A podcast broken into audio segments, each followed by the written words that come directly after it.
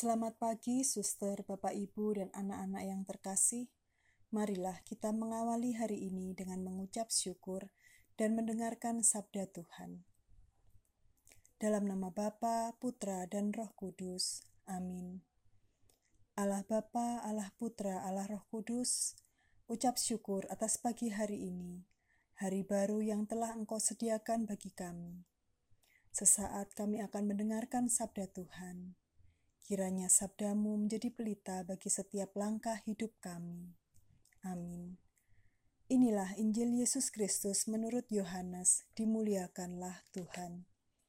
Kata Yesus kepada mereka, Akulah roti hidup. Barang siapa datang kepadaku, ia tidak akan lapar lagi. Dan barang siapa percaya kepadaku, ia tidak akan haus lagi. Tetapi aku telah berkata kepadamu, Sungguh pun kamu telah melihat aku, kamu tidak percaya. Semua yang diberikan Bapa kepadaku akan datang kepadaku, dan barang siapa datang kepadaku, ia tidak akan kubuang.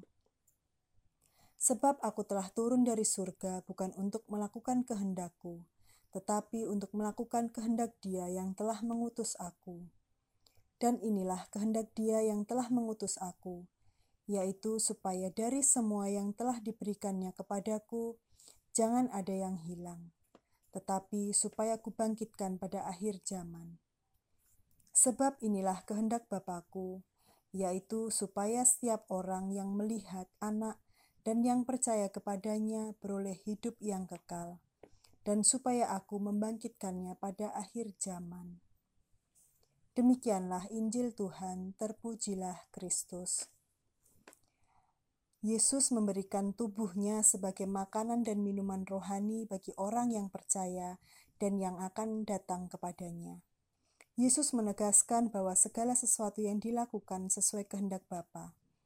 Bapa menghendaki bahwa semua orang akan selamat. Siapa yang percaya akan kehendak Bapa tidak akan hilang, tetapi akan dibangkitkan dan memperoleh hidup kekal. Kita patut bersyukur atas jaminan Tuhan Yesus dan yakin bahwa kita tidak keliru percaya kepada Tuhan Yesus.